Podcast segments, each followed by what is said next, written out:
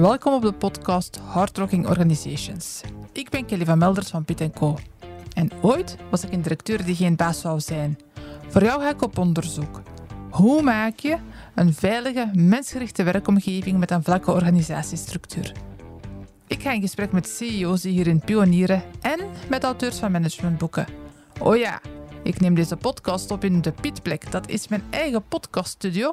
Een fancy, gerenoveerde oldtimer caravan. Nu ja, het is en blijft een caravan. Dus soms hoor je misschien wel een vogeltje fluiten of een auto passeren. Dat kan gebeuren. Veel luisterplezier. Welkom op de podcast Hard Rocking Organizations. Vandaag is André Klaasens te gast in mijn caravan hier te Pietplek. En André heb ik al een aantal keren ontmoet op het ondernemerswerk BNI, waar ik een tijdje lid van was. En ik ben ook een paar keer bezoek geweest bij hun. Ehm, en André heeft een traiteurbedrijf en levert maaltijden aan scholen en aan zorgbehoevenden. En ik weet niet of hij het woord zelf gebruikt, maar voor mij is dat echt sociaal ondernemerschap. En het is ook het sociaal ondernemerschap dat nog succesvol ook is. Want uh, zijn traiteurbedrijf is niet zo het type traiteurbedrijf van onder de kerktoren, maar is echt een, uh, een groot bedrijf met een grote maatschappelijke impact. Um, want als ik mij niet vergis, bereidt hij meer dan duizend lekkere maaltijden per dag. Dus ik ben heel blij dat uh, André even de tijd neemt om te vertellen hoe dat hij dat aanpakt.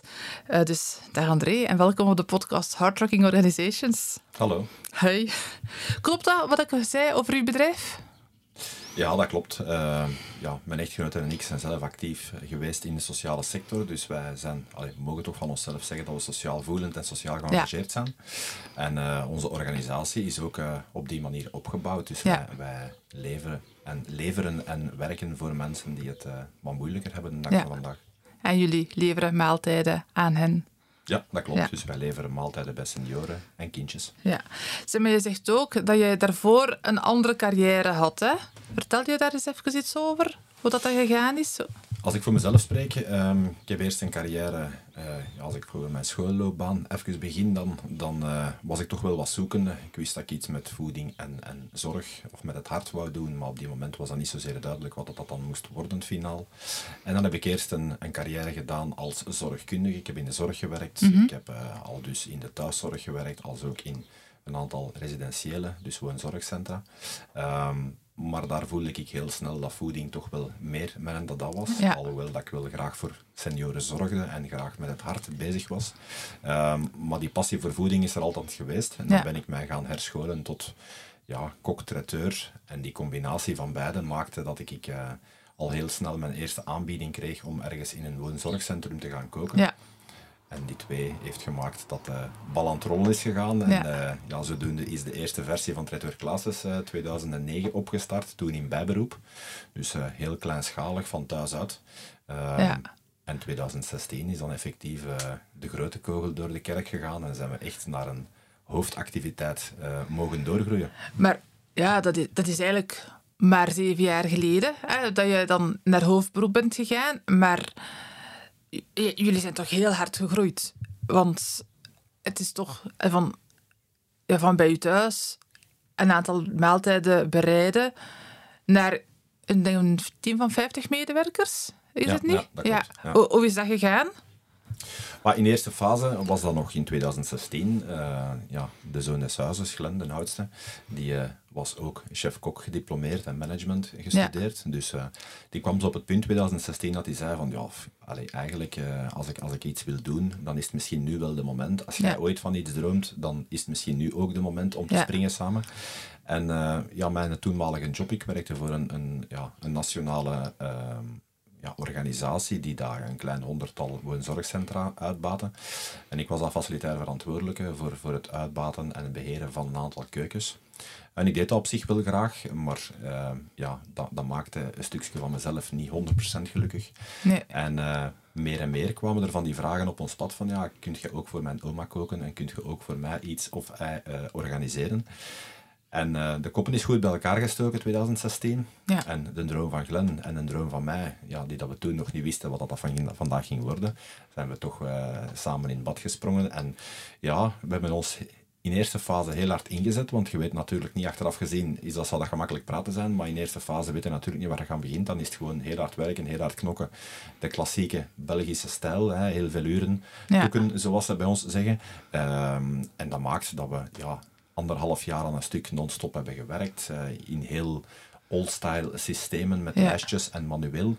Uh, maar gaandeweg voelt je tekenen dat ja, wat dat je zelf voor ogen hebt, en dan spreek ik in eerste instantie gewoon over de, de, de commerce, zal ik maar zeggen, hoe dat, hoe dat, dat uh, noemt. Uh, dat daar eigenlijk wel positieve signalen waren. En dan zijn we op die eerste uh, stappen voortgegaan om echt al te beginnen ehm, aan onze huidige organisatie. Ik had een, in recent verleden heel vaak met inclusie te maken in mijn job. Uh, als ik dan nog in, in betaald verband werkde. Ehm, en dat hebben we direct ook gedaan bij Traitor Classes. We zijn eigenlijk direct aan de slag gegaan om inclusief aan de slag te gaan. We hebben mensen kansen gegeven, we zijn met stagiairs beginnen werken, scholen beginnen werken. Ja. En dat heeft enigszins wel een kentering gebracht, want ja, je, je krijgt zelf wat lucht, je geeft mensen een kans, maar anderzijds geeft je zelf ook een kans om te groeien. Ja. Ehm, en ja, die bal is, uh, ja, voor ons heel snel beginnen ja. bollen. Ja, maar jullie zijn ook wel echt een, bedrijf met een missie, hè? Wat is zo de missie van Tretter Classes? Ja, het is, onze hoofdactiviteit is voornamelijk het, het langer thuis laten wonen van senioren. Dus uh, senioren die gelukkig en gezond thuis van hun oude dag kunnen genieten. Uh, ik denk dat er de voorbije vijf, zes jaar ook heel veel gebeurd is met COVID, et cetera. Ja. Uh, ja, de oma is jammer genoeg niet het favoriete knuffelcontact, maar ja, dan is Trader Classes daar. Wij, wij, willen oh, dat, zo mooi. wij willen dat wel zijn. Dus uh, op zich is dat waar dat wij voor gaan, waar dat wij voor staan. En uh, ja, het is niet zomaar gekomen. Mijn echtgenote heeft altijd hoofdverpleegkundige geweest in een aantal woon- en zorgcentra.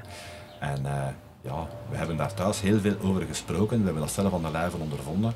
En daar staan we elke dag voor. Hè. Dat is denk ik wat dat ons wel onderscheidt. Dat we mensen gelukkig willen maken. Dat, we, dat we elke keer refereren naar ons eigen mama of oma. En dat, dat, we daar dan aan denken. Hè. Ja.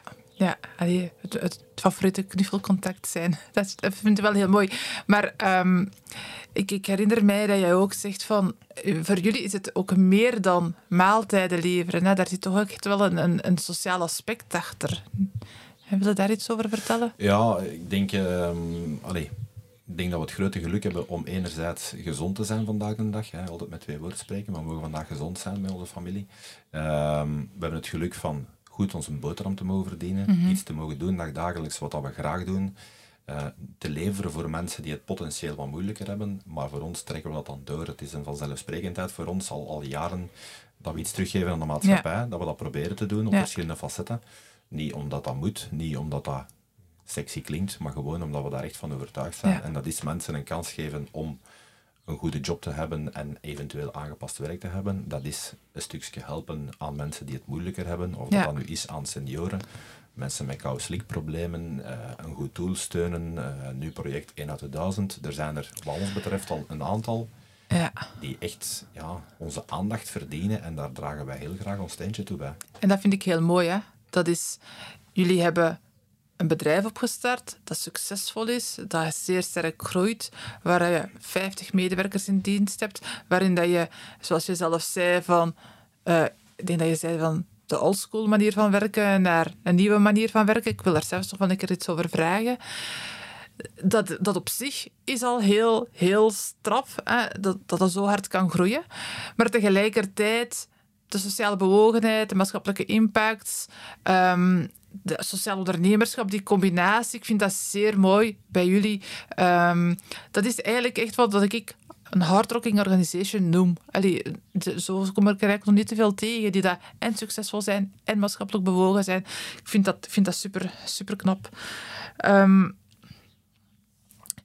jij er net zei, eerst waren wij want deze podcast maak ik voor zowel mensen die aan het begin staan van hun carrière, als ook wat langer zijn. En vaak hoor ik ook wel dat mensen op een gegeven punt zitten van oké, we zijn gegroeid tot hier. Hè, dus, en ik heb dat misschien op de oldschool manier gedaan, maar ik voel dat eigenlijk wel tijd is voor iets nieuws. En je hebt net gesproken over, ik heb een nieuwe manier gevonden. Wat is dan zo het verschil? Ehm, bij mij is de grote kentering gekomen toen ik uh, in loonverband werkte. Dan had ik het, het ja, ook daar de chance, ik zal maar zeggen, dat, dat uh, ik een job had die aan zich wat aanzien had. Uh, waar ik op zich goed met een boterham mee verdiende. Mm -hmm. Maar elke dag kwam ik thuis met het idee van, ja, is deze nu geweest? word ik daar nu gelukkig van? Heb ik andere mensen gelukkig gemaakt? Is dit wat ik tot mijn 65 of later ja. mag of moet Belangrijke vragen om jezelf te stellen. En um, heel snel kwam ik tot de conclusie dat ik effectief iets wil doen waar dat ik gelukkig van word. Al verdien ik daar straks wat minder mee. Natuurlijk, je moet altijd als eh, gezonde Vlaming de rekeningen kunnen betalen, uiteraard. Hè. Er is mm -hmm. altijd wel een economische realiteit aan verbonden. Dromen is goed, maar gecombineerd met realiteitszin is dat uiteraard wel wat beter. Uh, maar die analyse heeft voor mezelf gemaakt dat ik voor mezelf ben beginnen werken. Hè. Uh, dat ik, dat ik ja, de droom die ik had om maatschappelijk iets te veranderen, om effectief niet met die reden uh, te koer, maar echt wel iets na te laten voor mezelf. Mm -hmm. Een stukje een betere wereld na dan voor uh, te doen. En ik moet zeggen dat ik daar geen spijt van heb. Uh, vandaag krijg ik elke dag energie als je moogt rondlopen ja. door uw organisatie of als je mensen een gezonde oude dag kunt geven of als je iemand een kans voor een ja. aangepaste werkstelling kunt geven. Dat geeft zoveel meer energie dan te koer misschien een cijfer meer of minder op je bankrekening. Ja. Maar wat ik ook bedoel is, um, ik hoorde nu vertellen van in het begin, uh, was ik inderdaad meer in bijberoep en dat was meer van, van thuis uit dat ik dat deed. Um, jullie zijn dan gegroeid, jullie hebben dan ook een, een, een pand hè, waar dat jullie uit werken. Hoe, en, en ik denk ook met andere, andere apparatuur dan, dan dat dat initieel het, het, verschil was. Eigenlijk ben ik een beetje op zoek naar van, hoe is dat gelopen? Dat is misschien mijn eerste vraag. Ik eerst ga gewoon de vraag stellen. Hoe is dat gelopen? Die beslissing te nemen van... Um, ja, wij, wij, wij gaan echt voor die professionaliteit. En, en, want veel mensen zitten op die fase van... Ja, ik ga hier misschien investeringen moeten gaan maken. Ik ga misschien risico's moeten gaan nemen. Ik durf dat misschien niet goed. Ik zie mezelf dat misschien ook niet doen. Um, voor mezelf is het een stukje begonnen. Allee, ik ben dat eerst denk ik als gezonde Vlaming gestart met het, met het principe van we gaan het eerst wel wat zien en we gaan eerst vooral hard werken en dan zien Ja. waar, dat het, waar dat komt. Hè. Ehm, nog steeds vandaag de dag probeer ik pas investeringen en stappen te ondernemen wanneer dat ik daar...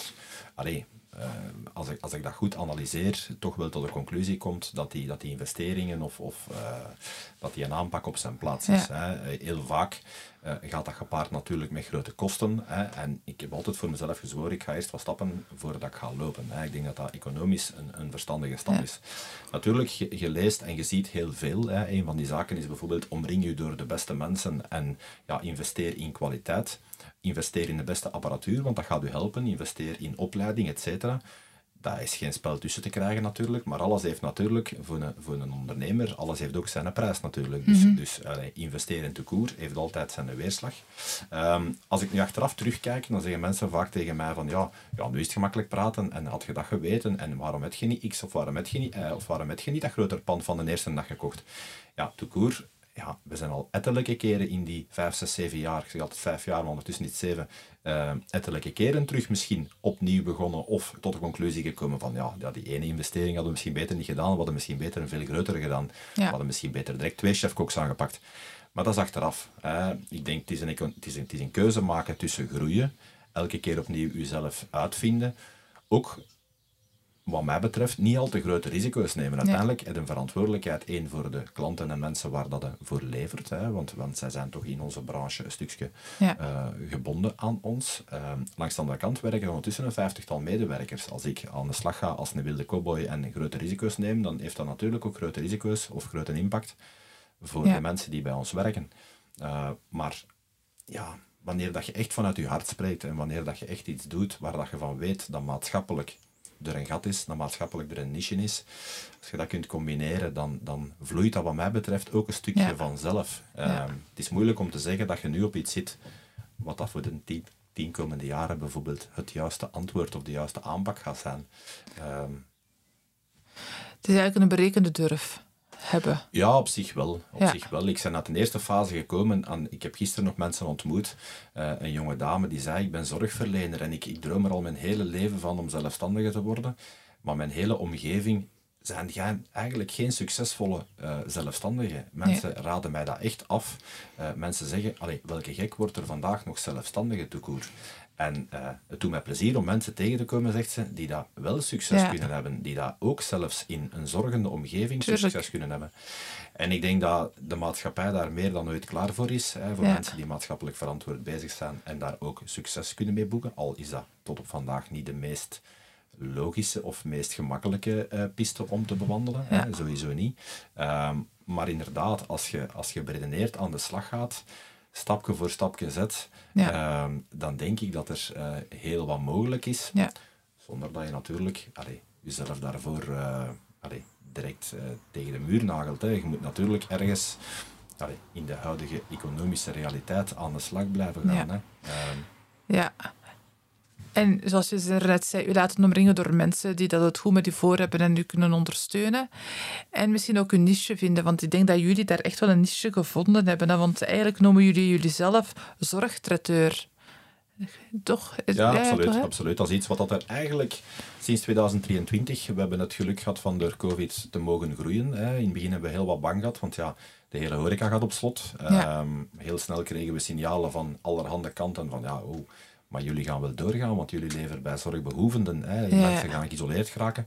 Wat dan natuurlijk business-wise een heel zekerheid was natuurlijk, hè, dat, je, dat je weet dat je ook in die moeilijke omstandigheden Ja. blijft, blijft en Ja. mocht blijven doorwerken. Ehm, het heeft ons wel geleerd natuurlijk dat wat dat wij doen, ja, er zijn er ook niet zo gek veel in Vlaanderen, dus op zich zegt dat wel iets. Er is wel een bepaalde complexiteit dat daaraan vasthangt. Er is een vergrijzing van de bevolking, wat dan een hele belangrijke factor is. Ehm, ik denk dat, dat het leven op dat vlak wel dusdanig veranderd is, dat we inderdaad bewust inzetten op die niche. En dat we het klassieke traiteurverhaal, hoe dat traiteur Claessens destijds gestart is, dat we dat een stukje achterwege laten. Dat dat nu zorgtraiteur Claessens Ja. André of bij traiteur Claessens André gaat gebeuren. Oké. Ehm, waar dat we nog meer die focus op zorg gaan trekken. Ja. Nog meer dat mensen echt weten als ze onze naam uitspreken, als ze aan ons denken, of als ze te koer in een zorgende situatie zitten of een zorgnood hebben, dat ze automatisch die link leggen naar ons. Ook daar komen we veel dichter bij klassieke zorgverleners, hè, thuisverpleegkundigen, podologen, logopedisten. Dus het zijn dat soort zaken. Ja, ook daar, zeven Ja. jaar geleden, was zorgtraiteur helemaal niet bij mij opgekomen. Nee, nee, nee, maar Ehm, dat is zo gelopen. Organisch is dat zo Ja. gegroeid. En het zegt veel meer waar, dat voor, waar dat wij voor staan. Zorgen voor mensen in zijn brede context. Ja. En werken jullie dan ook samen met de andere zorgverleners? Is er een, een samenwerking of dialoog of zo? We zijn daar zelf eh, aan aan het trekken. Dat Ja. is niet vanzelfsprekend, omdat je ook daar vandaag in, in klassieke structuren terechtkomt. Mhm. hè. Je zit zeker ook in de medische wereld, slash paramedische wereld, zit je zo met hiërarchische zaken. Hè. De arts vandaag de dag, het was altijd meneer dokter. Hè. Het is vandaag nog steeds een zeer respectabel beroep uiteraard. Maar je hebt vandaag meer en meer andere spelers die de markt opkomen. Hè. Podologen, kinesisten, ergotherapeuten.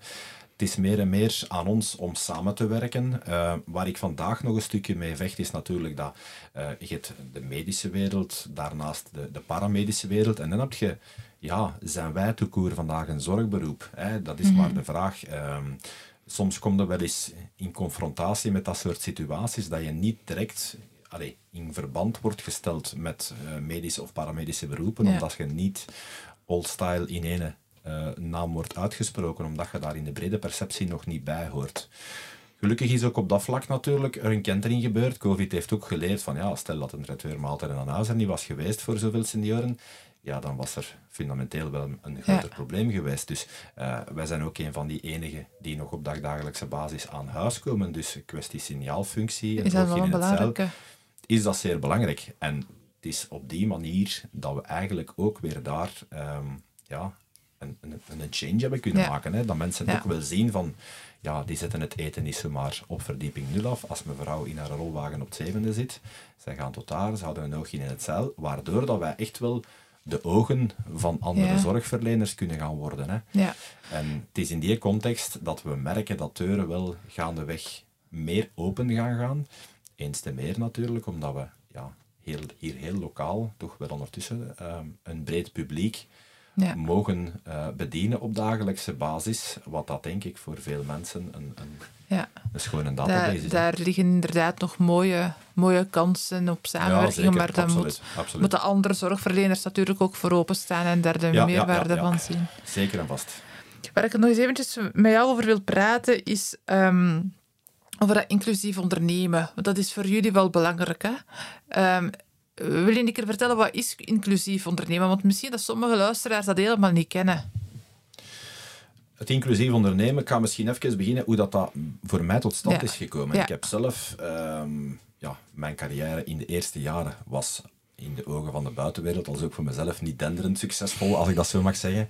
Maar ik vind dat eigenlijk achteraf gezien een hele goeie. Want uh, ik heb geconfronteerd geweest met het feit dat je in een zeer hiërarchische structuur als jonge kerel een keer je vakantie moet gaan aanvragen of een keer iets moet gaan doen wat dat, uh, wat dat met je carrière te maken heeft. hè? Mhm. Een, een loopbaancheck gaan aanvragen of wat dan ook, een opleiding. En ik heb heel hard gemerkt dat als je niet op dat topje van die ijsberg zit, dat het dikwijls voor een gesloten deur staat. Hè? Als je uh, nog zoekende bent, dat je niet altijd iemand hebt die je mee op pad neemt. En tijdens mijn carrière heb ik gelukkig een aantal mensen uh, mogen ontmoeten die dat mij gezegd hebben van kijk man, niet met die woorden, maar die me eigenlijk een stukje mee hebben gepakt, die mij het, het, uh, het positieve licht hebben gebracht, mm -hmm. die mij geholpen hebben om uh, verdere stappen te zetten. En ik heb mijn eigen toen twee dingen voor ogen genomen. Eerst ga ik niet diegene zijn die mij dusdanig gaat opstellen. Ik heb vandaag nog steeds het idee, allez, dat probeer ik althans, dat mijn deur ten allen tijde open staat. Hè, dat mm elk van mijn collega's, uh, collega-ondernemers, dat ze bij mij mogen aankloppen voor kleine of grote dingen. Hè. Uh, dus dat dat ook wel een heel belangrijke is. Dat je nooit het gevoel moet hebben van, ja, oei, oei, oei ik moet naar... Dus er zijn voor een toren. Ja, ik moet naar een toren, ik moet naar een bureau. Hè. Dus, uh, nee. Zeker voor de toekomst. Hè. We leven toch met ambitie van nog te mogen groeien. Ja. Dus ik denk dat we dat zeker moeten bewaken dat dat zo blijft. Dat is een eerste punt. En het tweede stukje is dat iemand die in u gelooft, iemand die u helpt, iemand die theoretisch gezien het al iets of wat bewezen heeft, die zegt van kom, ik ga u mee naar links of naar rechts pakken en die een, echt een verschil voor u kan maken. Voor die persoon aan zich is dat soms maar een heel kleine moeite. Hè? Ja. En dat, dat ervaar ik vandaag. Dat heb ik vandaag de dag, dat je soms met kleine dingen voor iemand anders een heel groot verschil ja. kunt maken. En dat voelt heel warm aan. En ik heb dat vanaf de eerste dag proberen te doen wanneer ja. ik leidinggevende was in mijn uh, oude job. Maar ook vandaag probeer ja. ik altijd eerst iemand een kans te geven. Het is veel gemakkelijker om old-style, uh, alhoewel dat vandaag de dag het zoeken naar talent natuurlijk een serieuze opgave is geworden. Uh, maar ik heb altijd geprobeerd, al jaren aan een stuk, om eerst iemand een kans te geven. Om niet direct oldschool te kijken van ik moet een hebben met competentie X, Y en Z, ja. blond haar en de grootte met zoveel gewicht, etc. Dat is niet hoe dat wij daar naar kijken. Um, we laten dat organisch groeien. We laten, we laten mensen op ons pad komen. En door de mensen die op ons pad komen, groeien we samen. Wij groeien als organisatie, ik kan groeien als zelfstandige. Maar mensen krijgen misschien een job van hun leven. En zo is dat inclusief op ons pad gekomen, omdat natuurlijk, ja, in sommige beroepen vind je ook toekoer gewoon niet de juiste personen. En mm -hmm. we mogen toch wel heel blij zeggen, en zelfs ook over mijn oude job, dat heel wat mensen door, allez, tussen haakjes, mijn inclusieve kijk daarop, een carrière switch hebben gevonden of een job hebben gevonden ja. waar ze aan zich dachten van ik sta hier voor een muur, dat gaat nooit voor mij niet weggelegd worden. Waarom zou ik de koer aanspraak maken op die job? Ja. En dat dat eigenlijk een heel groot verschil maakt. Die dankbaarheid ook, dat je daarvan terugkijkt in ja. de positieve zin, het respect van die mensen. En nu bij Tattoo Classes is dat echt all the way. Bij elke vacature die er is, of zelfs als er nog geen vacature is, zetten wij 200% in op inclusie. Elke job die vrijkomt, gaat eerst gaan we eerst kijken wie kunnen we eventueel gelukkig maken, waar kunnen we eventueel een, een, een link maken tussen iemand die zoekende is en onze zoekopdracht, als ik dat ja. zo mag zeggen. Um, en dat maakt dat wij vandaag een hele hoop mensen uh, in dienst hebben die dat ja, in theorie een, een arbeidsbeperking hebben, ja. zoals dat Sans Schoon noemt, of een afstand hebben tot de werkvloer. Um, en ik kan dat iedereen alleen maar aanraden. Het ja. geeft heel veel warmte terug. En waar vind je dan zo'n mensen? Er zijn op dat vlak wel wat partners in Vlaanderen die dat, Ja. die dat u ondersteunen. Hè. Je Ja. hebt natuurlijk de klassieke VDAB, die dat zijn nevenpoten heeft, zoals een E- Emino, GTB, eh, de Hulster. Allee, er zijn wel wat organisaties eh, regionaal gebonden. Eh, maar meer en meer beginnen er ook van die projecten de kop op te steken, bijvoorbeeld zoals nu. hè. Ik heb het geluk van betrokken te zijn in een nieuwe organisatie, 1 uit de 1000, Oké. waar dat wij ehm, ja, tweedelig eh, bezig zijn. Enerzijds gaan we trachten om bedrijven elk jaar, hè, eh, duizend bedrijven te sensibiliseren om een keer anders naar de arbeidsmarkt te kijken, om een keer anders naar ja, toekomstige medewerkers te kijken, of ook naar medewerkers op de werkvloer. Hè. Soms door Ja. een kleine aanpassing kun je een heel groot verschil maken. Anderzijds gaan we ook medewerkers proberen tot bij die werkgevers te krijgen. Dus we gaan vanuit ondernemers, voor ondernemers, voor mensen met een eh, inclusieve achtergrond Ja. proberen een verschil te maken. En Ja.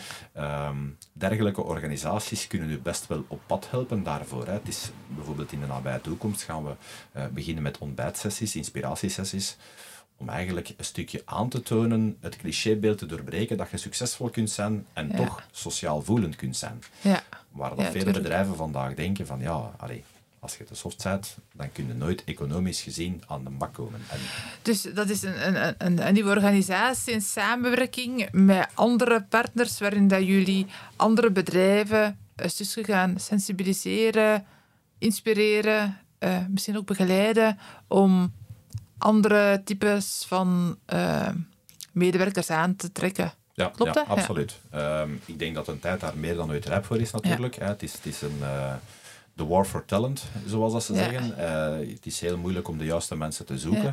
terwijl er heel veel onbenut potentieel is. Het is klopt, altijd hè. gemakkelijk om, om te gaan zoeken naar die ene die net die type job kan doen. Die witte raaf. die witte raaf, vandaag de dag zijn de witte raven Ja. soms heel hard of heel moeilijk te vinden. Ehm, maar iedereen vergeet dat er soms heel wat witte raven naast of voor u rondlopen. Tuurlijk. Ja. Dat er heel wat mensen met heel veel mogelijkheden Ja. in uw huidig team of in uw persoonlijke omgeving zitten. En ik geef dikwijls voorbeelden. eh, bijvoorbeeld bij ons in de administratie heb ik het geluk van een fantastisch team te werken.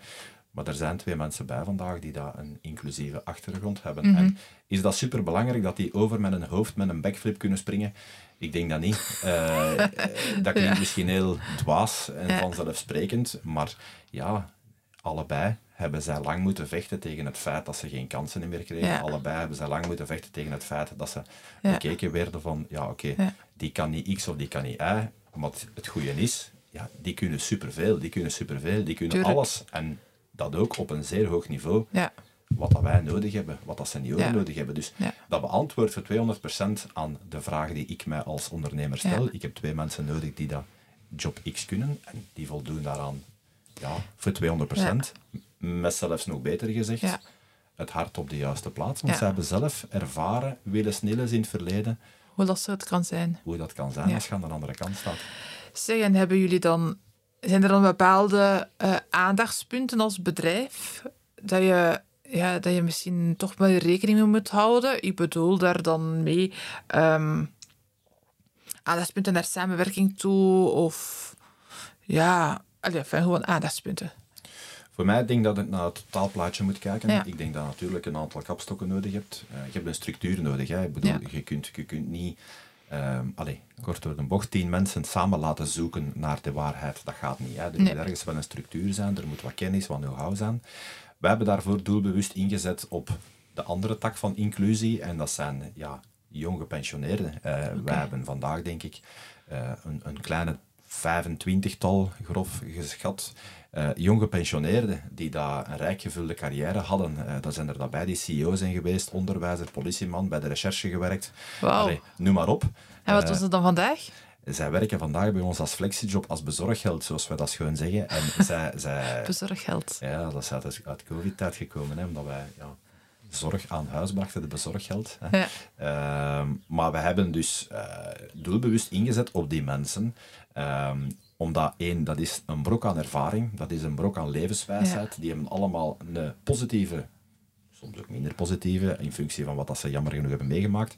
Maar die hebben heel wat bagage eh, mee, die dat Ja. voor onze organisatie, voor onze, voor onze, voor onze zaak heel relevant kan zijn. Ja. Dus wij gaan dat ook eh, uitgebreid inzetten natuurlijk, wanneer er zich iets voordoet. Eh, we proberen ieder op zijn talenten uit te spelen op dat vlak.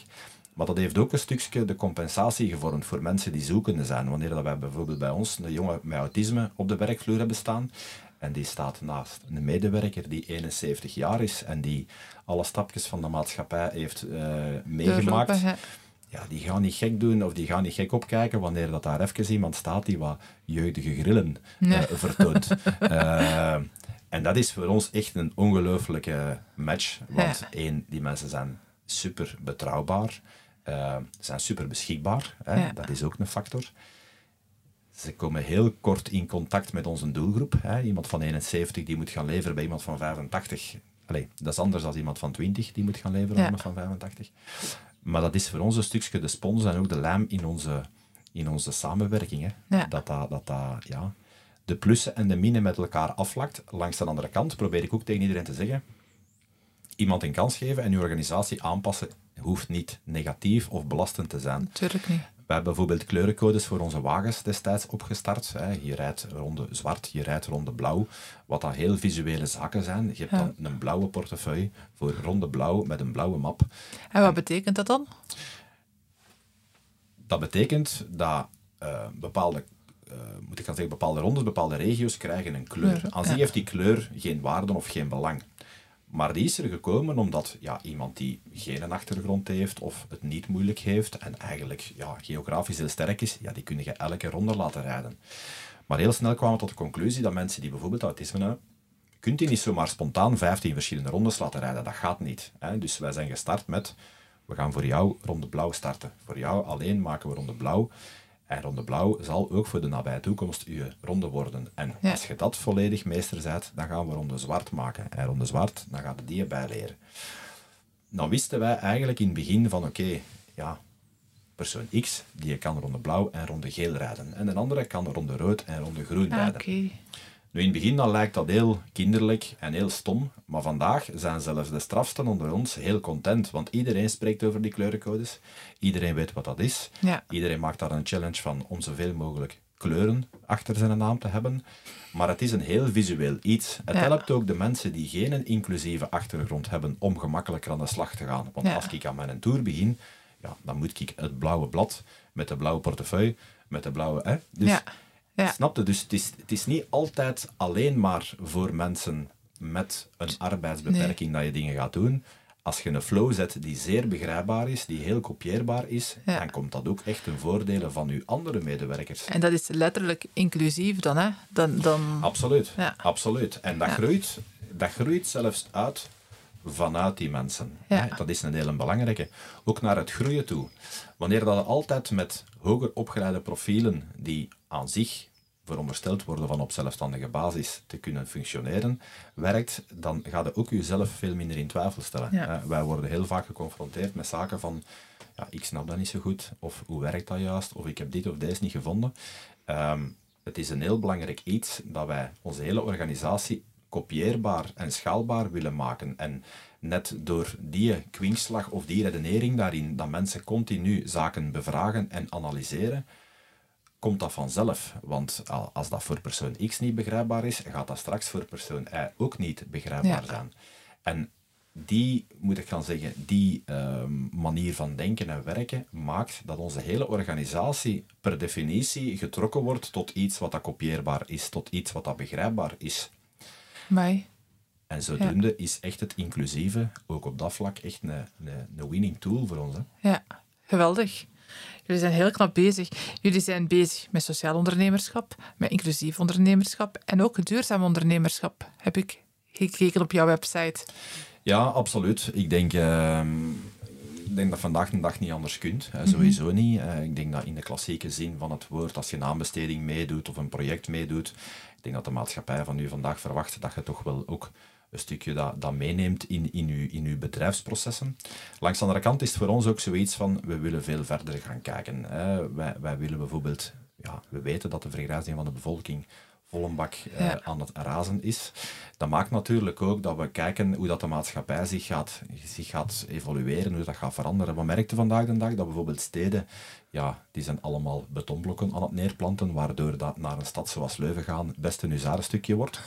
maar daar zit natuurlijk een lange termijnplan in. Leuven moet straks een leefstad worden, hè, eh, maar vandaag zie je wel een verschuiving gebeuren. Winkels trekken uit de steden. Dus kijk naar Mechelen, kijk naar Leuven. Grote winkels trekken uit de steden. Het wordt moeilijker om met Koning Auto naar de stad te rijden. Dat maakt dat daar veel senioren blijven wonen, of terug meer gaan, gaan mhm. wonen. Maar daar gaan toekoer veel minder mogelijkheden zijn. De bakkers zijn op zondag niet meer open. De organisaties zijn sterk veranderd nu door COVID. En daar zitten voor ons heel wat opportuniteiten. En een van de zaken dat we nu bijvoorbeeld aan het doen zijn, is van, ja, hoe ga je straks in een stad zoals Leuven een maaltijdbedeling organiseren op dagelijkse basis? Hoe gaat je daar vlot bewegen? Uh, natuurlijk, evidente keuze is natuurlijk de fiets, hè, maar in ons geval werken we met vaste rondes. Doe je ja, soms 50, 60 stops op een voormiddag. Dus weg en weer rijden, zoals de pizzacourier dat doet, met ja. een maaltijd, is natuurlijk niet direct aan de orde. En één zaak om te verduurzamen is nu bijvoorbeeld dat wij samen met een aantal strategische partners ja, een specifieke cargofiets voor maaltijdbelevering aan het maken zijn of aan het samenstellen zijn, waar dat we, wat dat Koning Auto doet, kunnen, kunnen kopiëren, kunnen wij ook met een fiets nog beter, nog sneller en op de moeilijkste plaatsen in Vlaanderen. En dat is bijvoorbeeld een verduurzaming van onze organisatie, ja. zodat we straks, ongeacht de situatie, ongeacht de plaats dat iemand woont, ehm, ja, aan huis kunnen leveren en straks op een volledig groene manier. Wauw.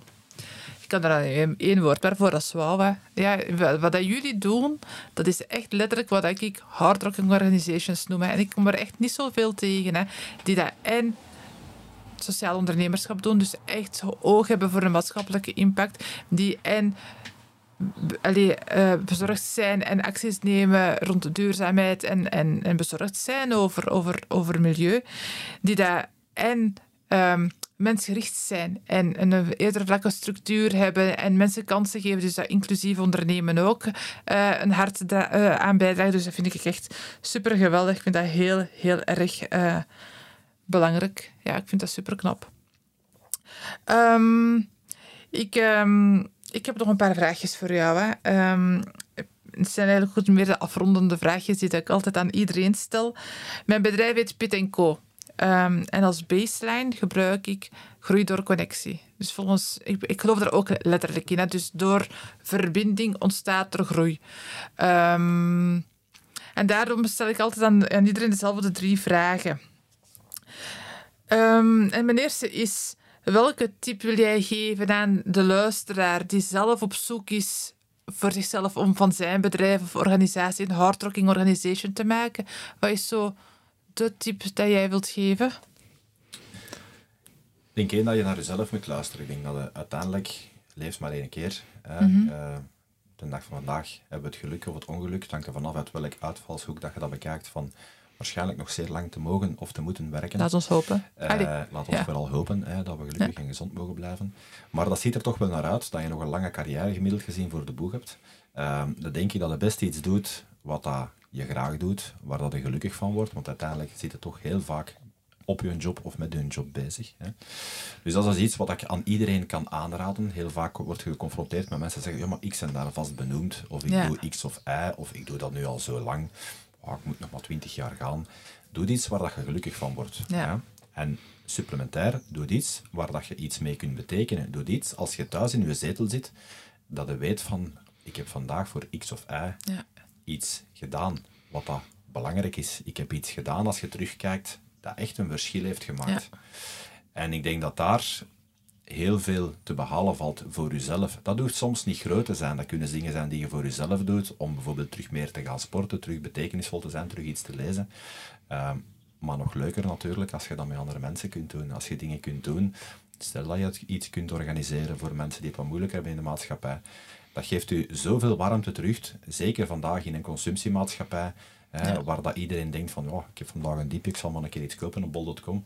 Uh, maar ja, gek genoeg, hè, iedereen moet zijn ding doen, maar doe iets waar dat je echt van binnen een warm en een blijvend warm gevoel van krijgt, dat kan ik alleen maar aanraden. Ja. Eigenlijk zeg je ook van, spring uit de gouden kooi als je erin zit, hè?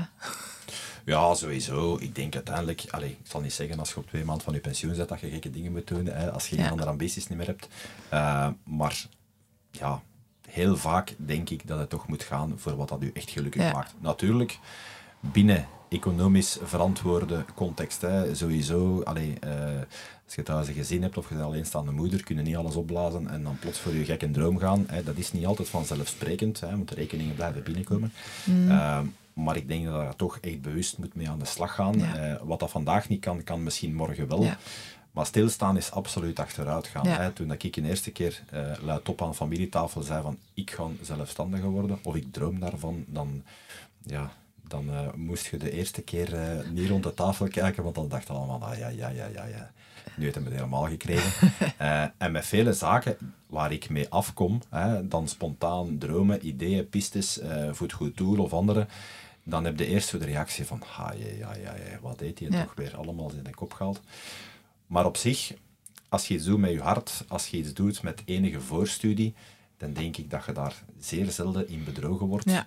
Ehm, en dan komt er heel vaak tot de conclusie ook dat mensen zeggen van, ja, ja in feite, ja, als je het zo bekijkt. Ja. Maar in feite moet het een keer zo bekijken. Je moet het niet all-style bekijken vanuit financieel standpunt of vanuit hetgeen dat je nu doet. Kijk een, keer, kijk een keer naar wat dat maatschappelijk nodig is. Kijk een keer naar wat dat leeft in de maatschappij.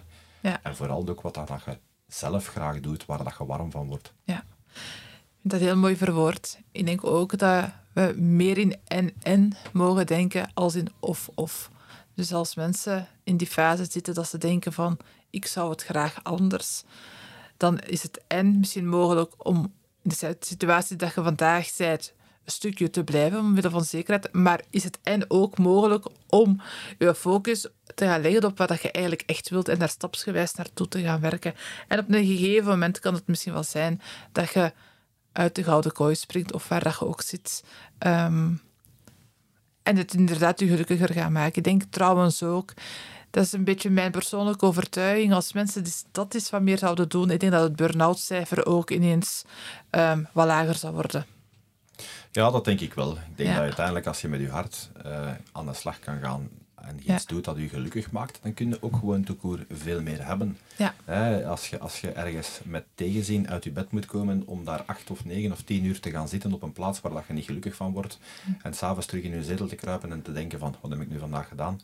Ja, dat, is, dat is uiteraard een vicieuze cirkel. En dan mag één welk cijfer tegenover staan, dat gaat u niet helpen op langere termijn. Nee, dat klopt. André, je hebt al heel veel informatie gegeven aan ons, heel veel inspiratie gegeven, ook aan, aan mij, of ook aan de luisteraars. Maar Groei door Connectie werkt in twee richtingen.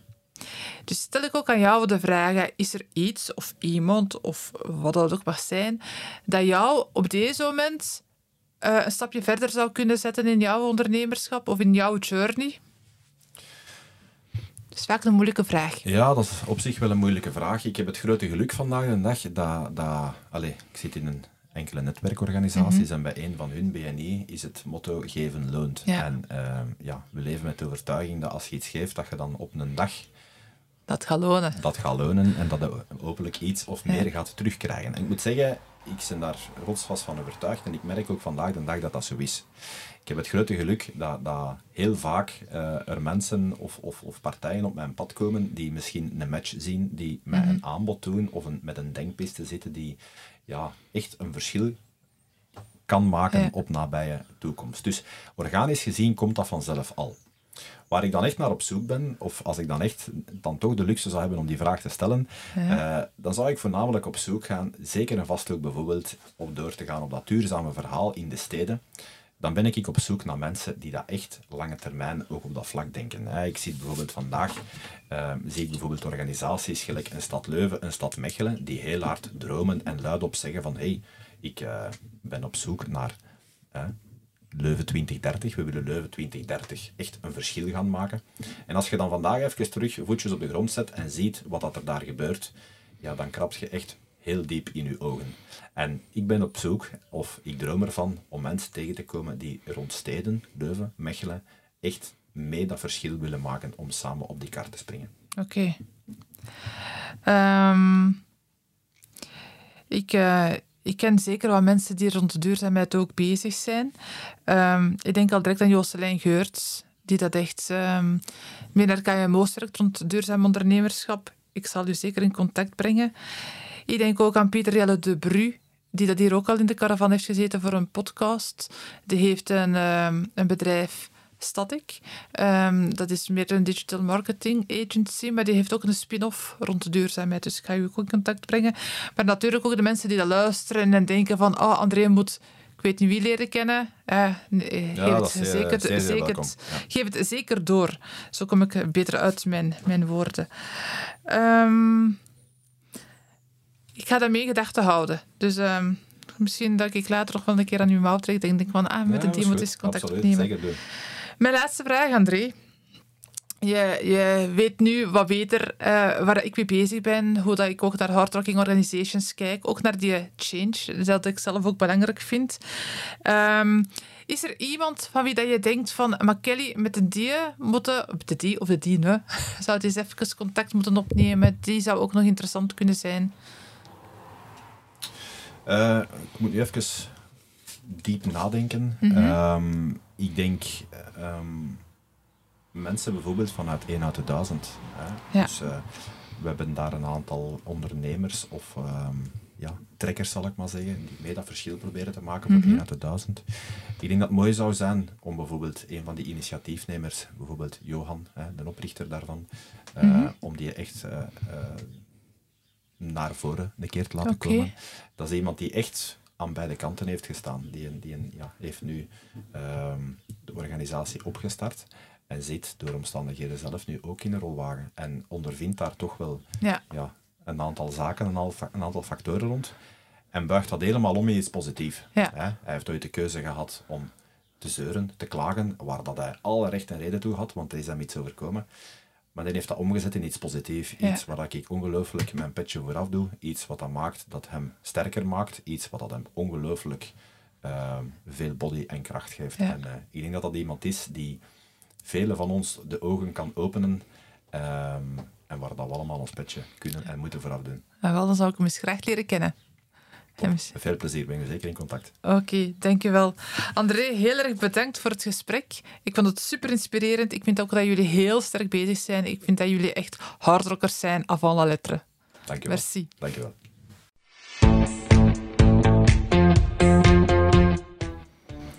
Fijn dat je luisterde naar de podcast Hard Rocking Organizations.